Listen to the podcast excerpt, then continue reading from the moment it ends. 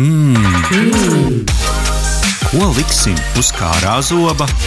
Digitālo brokastu saldais ēdiens. Labrīt, klausītāji! Sveicam jūs atpakaļ pie digitālo brokastu galda.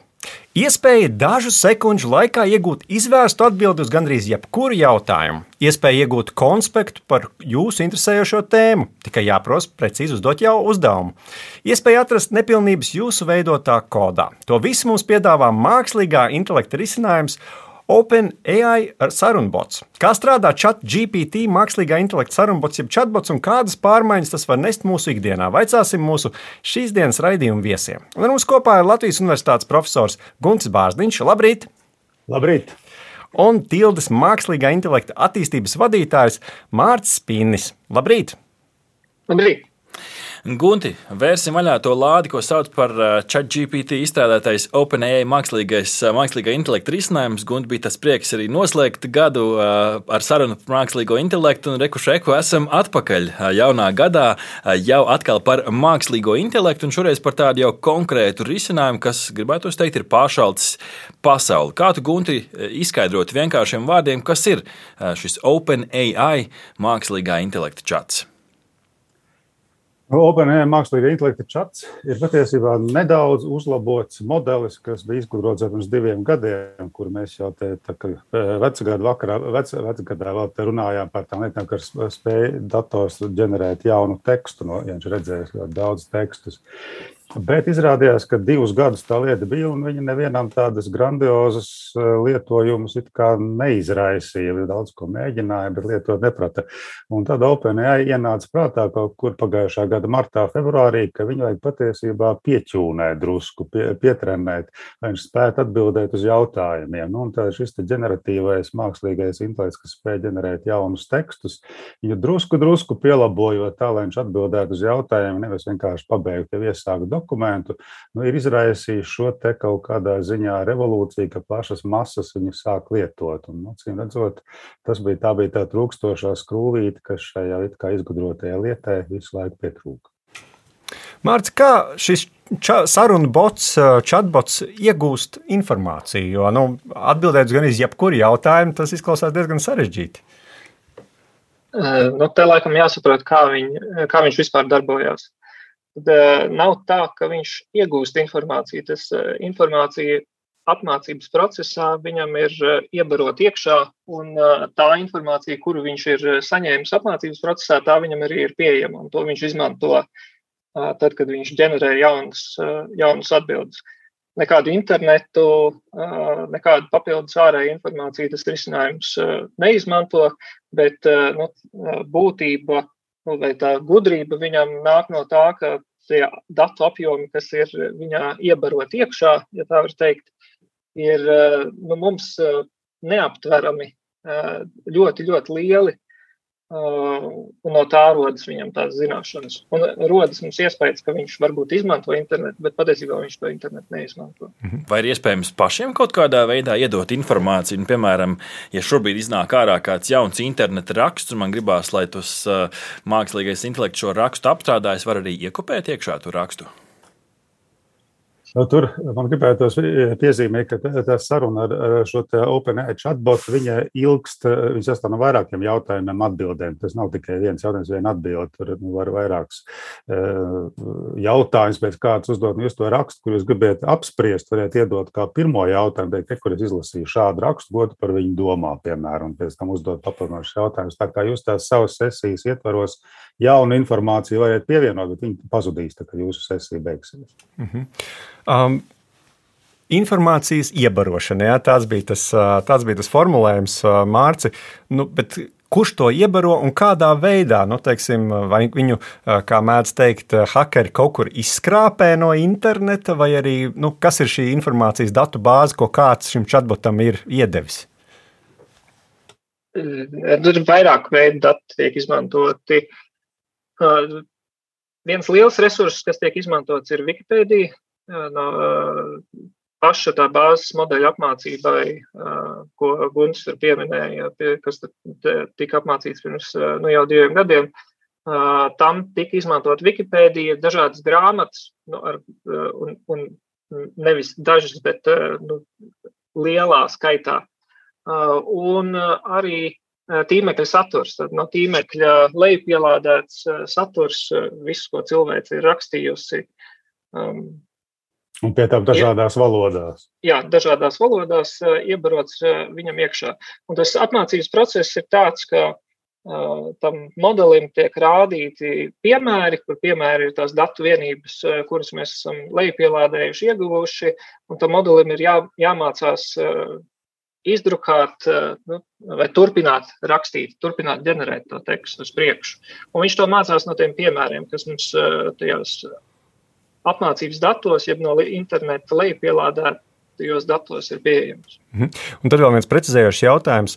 Labi, nu par Wikipēdiju, protams, var teikt, ka tur, nu, kā saka, ne viss ir pilnīgi precīzi, perfekti, kā saka, ierakstīt, tur ar šo arī pamainīt, ja tur tā uzticamība ir relatīvi augsta, bet kā ir ar to pārējo, vai kāds veids tā kā atlasi, kas ir tās grāmatas, kuras var lasīt, vai kuras internets satur, ko var lasīt, un kas varbūt potenciāli var būt maldīga informācija, vai arī neviens tādu atlasi graudiem no pelavām neveica pirms iebarot to informāciju šim mākslīgiem intelektam? Nu, te ir, eh, es, var, es varbūt sākšu, Gunts, pēc tam var papildināt. Te ir eh, jāsaprot, ka tas datu apjoms ir eh, nenormāli liels. Nu, iedot kādam pārbaudīt tos datus, ko viņi tur iebarojuši iekšā, fiziski neviespējams. Tad tur noteikti tajos datos ir iekšā tādas lietas, kuras mēs varbūt negribētu, lai tas modelis redz. Nu, es gribētu piebilst, ka uh, OpenAI patiesībā ir diezgan slavens ar to, ka viņi ir diezgan rūpīgi pieeja šai datu attīrīšanai. Jo, jo tā, tā līdzīgas lietas jau dara arī citas kompānijas un tā tālāk, un viņiem parasti kā reiz ir šie neattīrītie dati, un tad tie rezultāti arī ir diezgan šausmīgi, kas nāk ārā. Kad OpenAI gan attiecībā uz tekstu ģenerēšanu, attiecībā uz attēlu ģenerēšanu ir slavena to, ka viņi izvēlās relatīvi kvalitatīvus datus, varbūt kaut ko viņi pērk par naudu šos datus, kuriem ir drusku attīrīti, vai arī lietojot kaut kādas mākslīgā intelekta modeļus, kas ļauj pamanīt sliktos datus tajā visā datu kopā. Tā kā es domāju, ka drusku, drusku tiem datiem ir uzmēsts tāds, pirms viņi baro iekšā. Jā. Okay, Tātad nu, mums ir nosacīta vismaz pārliecība, ka tie, tā informācija, ko šis chatbots piedāvā, ir nu, vismaz daudz maz uzticama. Tas varētu būt tas pirmais secinājums mūsu šīsdienas sarunā. Um, Otrs jautājums, mēs ķeramies pie tās praktiskās lietošanas, ir, um, nu, visas šīs darbības tomēr patērē kaut kādus resursus. Mēs zinām arī, ka uh, Google, lai varētu, vai kāds cits meklētājs, uh, populārs uh, Bing vai kāds cits, attiecīgi, lai veiktu šo darbību, nu, tas patērē kaut kādu resursu. Kaut kur ir uh, jāveic šī darbība, lai meklētu informāciju. Kā ir ar šo te chatbotu? Viņš noteikti patērē kaut kādu enerģiju, lai varētu sagatavot to atbildi. Vai tā ir lielāka enerģija, kā piemēram uh, nu, ierastajā uh, meklētājā, browserī, ko mēs izmantojam? Izmantojam, vai arī, vai arī teiksim, tas, ir, tas ir mazāk un tas ir efektīvāk. Kā ar šo, un vai tas mums var radīt arī kaut kādus draudus vai ierobežojumus to, cik mēs daudz vispār varam izmantot šo chatbotu? Un beig beigās, kas par to maksā?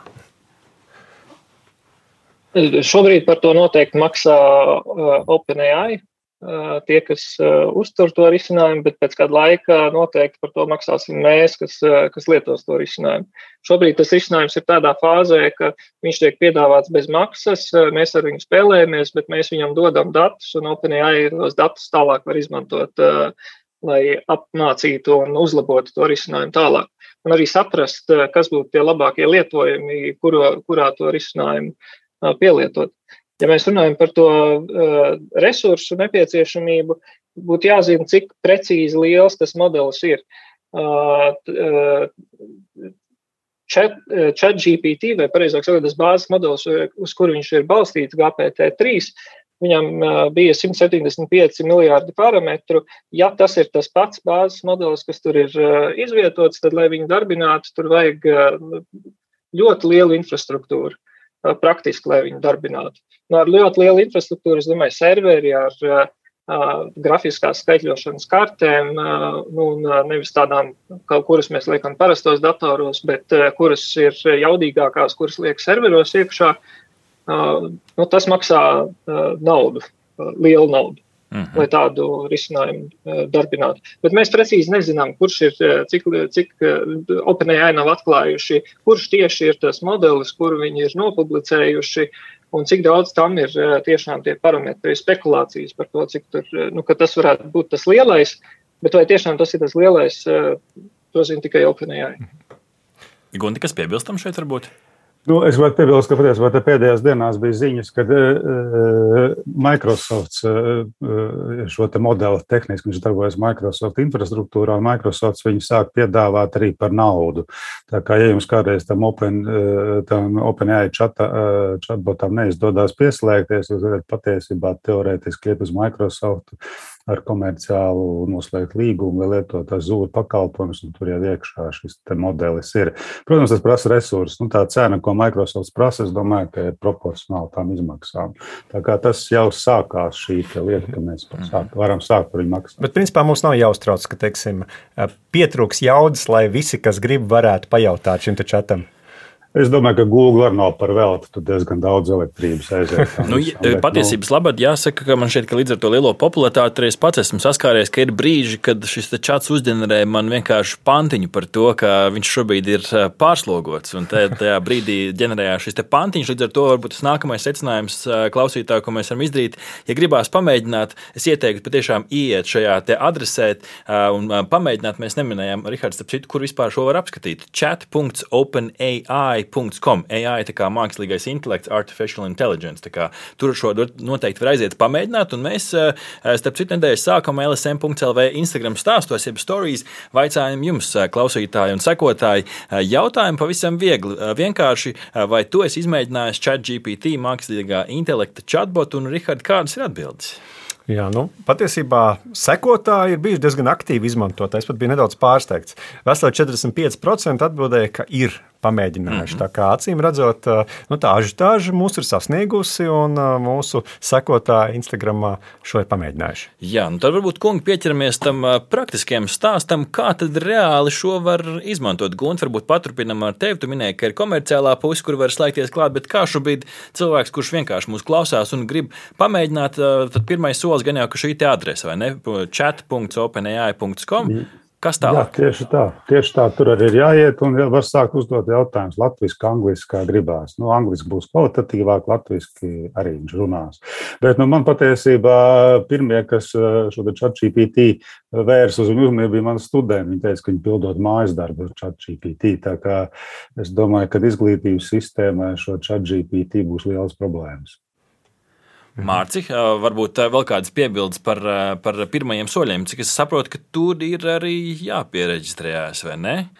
Kādi tie reģistrācijas soļi, ko tur prasa pretī, vai atcerieties, kad reģistrējāties? Nekas vairāk, kā reģistrējoties jebkur, jebkurā citā pakalpojumā. Tad e-pasts. Un šķiet, ka mobilais telefons arī numurs, protams, tika prasīts, ja es pareizi atceros. Jā, jā nu, Vai šis ir tipiskā, tipiskā pakalpojumā? Es, vai tas rada bažas?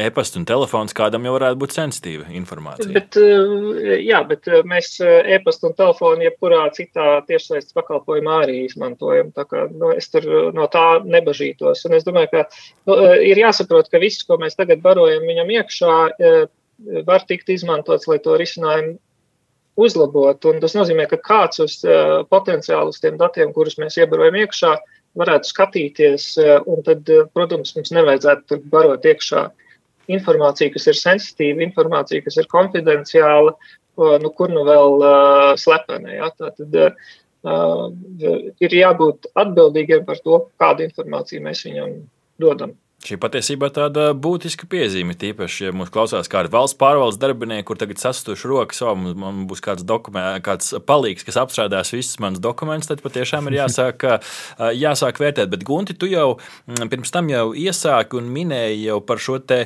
veidu, kā vaicāt jautājumus. Un viens no piemēriem, ko tu mums devi, ir, ka sākumā var iedot rakstu, par, nu, ja tas ir kaut kāds konkrēts raksts, nevis kāda informācija, kas jau ir kaut kur internetā atrasta kā vēl var pareizi nu, uzdot šo jautājumu, lai dabūtu vēlamu rezultātu. Rakstiedošana bija viens variants, kā vēl var prasīt un vaicāt. Jā, nu, uzreiz pirmais padoms ir mēģināt to darīt angliski. Rezultāts būs drusku labāks. Bet eh, visā vismā viņš to savu zināšanu un izpratni arī starp valodām tīri labi, eh, labi izplata. Eh, nu, nākamais, ko var tiešām lietot papildu precizējošs jautājums, kā es teicu, vienas sesijas laikā tas chatbots neaizmirst, par ko viņš ir runājis. Līdz ar to Nu, ja jums neizdodas ar pirmo reizi pareizi uzdot jautājumu, to precīzi jautājumu var uzdot. Es pats mēģināju tā runāt. Nu, grūti pateikt, cik daudz viņš no tās vēstures atcerās, cik nē, bet, bet tas, es domāju, ir tas galvenais, ka ar vairākiem jautājumiem mēģināt ietrāpīt mm -hmm. īstajā.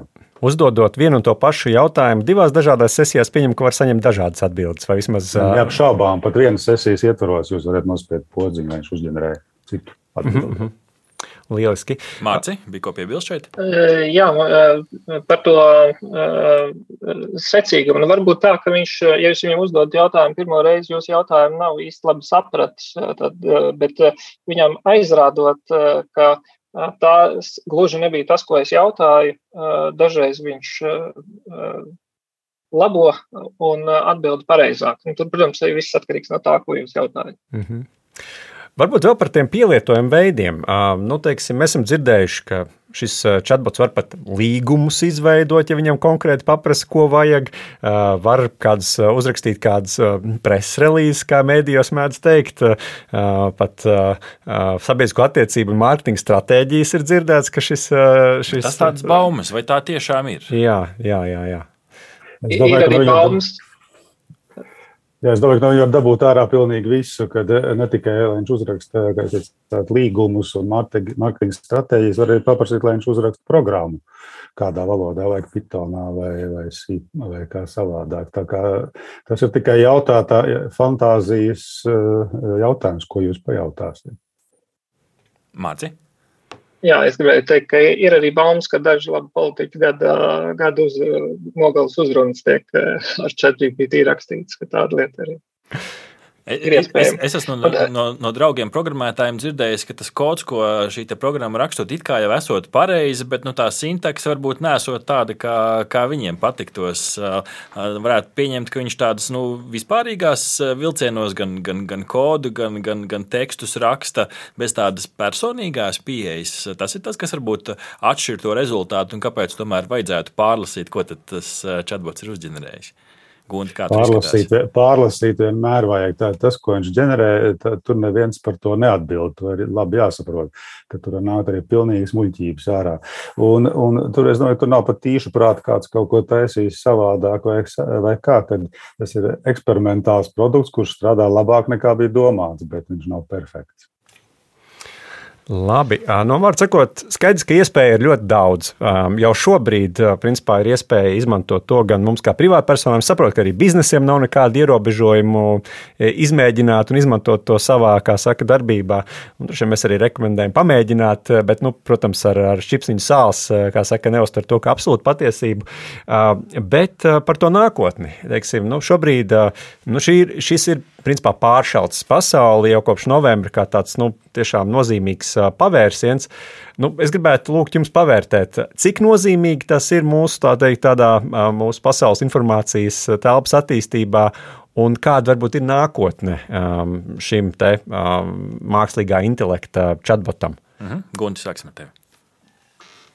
Es jau cerēju, ka man pirmajam nejautās, jo Jo ar to nākotnes pareģošanu man nekad nav veicies mākslīgā intelekta jomā. Es pat vēl gadu nogalē nesaprotu, ka šis chat GPT būs tik nozīmīgs. Tā kā paredzēt nākotni ļoti grūti. E, bet no, tas, kas ir jāsaprot, ir, ka, ka mēs nevaram uz viņu paļauties, ka tas chat GPT ir pilnīgi nu, gadījuma skaitļi, kas ir drusku apmācīti, un, nu, ja tas, kas nāk ārā mūs apmierina, ir ļoti labi, ja ne, tad nekad tas, kurš viņu lieto, būtībā ir atbildīgs par rezultātu. Un domāt, ka viņš ir pats, viņam piemīt intelekts vai atbildība vai mērķi, tā nevajag, viņš viņam nav ka tas ir tas, kas viņu lieto, nu, tas ir atbildīgs par to, ko viņš ar to darīs, kas tur nāks ārā. Tas ir drusku tāds negaidīts eh, rezultāts, ka vispār kaut kas sakarīgs nāk ārā. Mm -hmm. nu, Mārcis un ziņa virsrakstos rakstīts, ka uh, baumo par Microsoft, ka ta, tas vēlās tā kā pilnībā pārņemt to, jo Guns jau, jau ieskicēja, te jau ir uh, kaut kādas, tā teikt, ziediņa plauks tam, ka varētu būt pārējīt uz maksas versiju kaut kādā brīdī. Kā tu, Mārci, redzi šo, šos, šos virsrakstus un cik būtiski šis ir? Pēdējā ziņa bija, ka Microsoft plāno investēt 10 miljārdus ASV dolāru OpenAI. Viņi jau ir investējuši 1 miljārdu. Tā kā nu, ir acīm redzams, ka Microsoft ļoti lielu potenciālu redz šajās tehnoloģijās.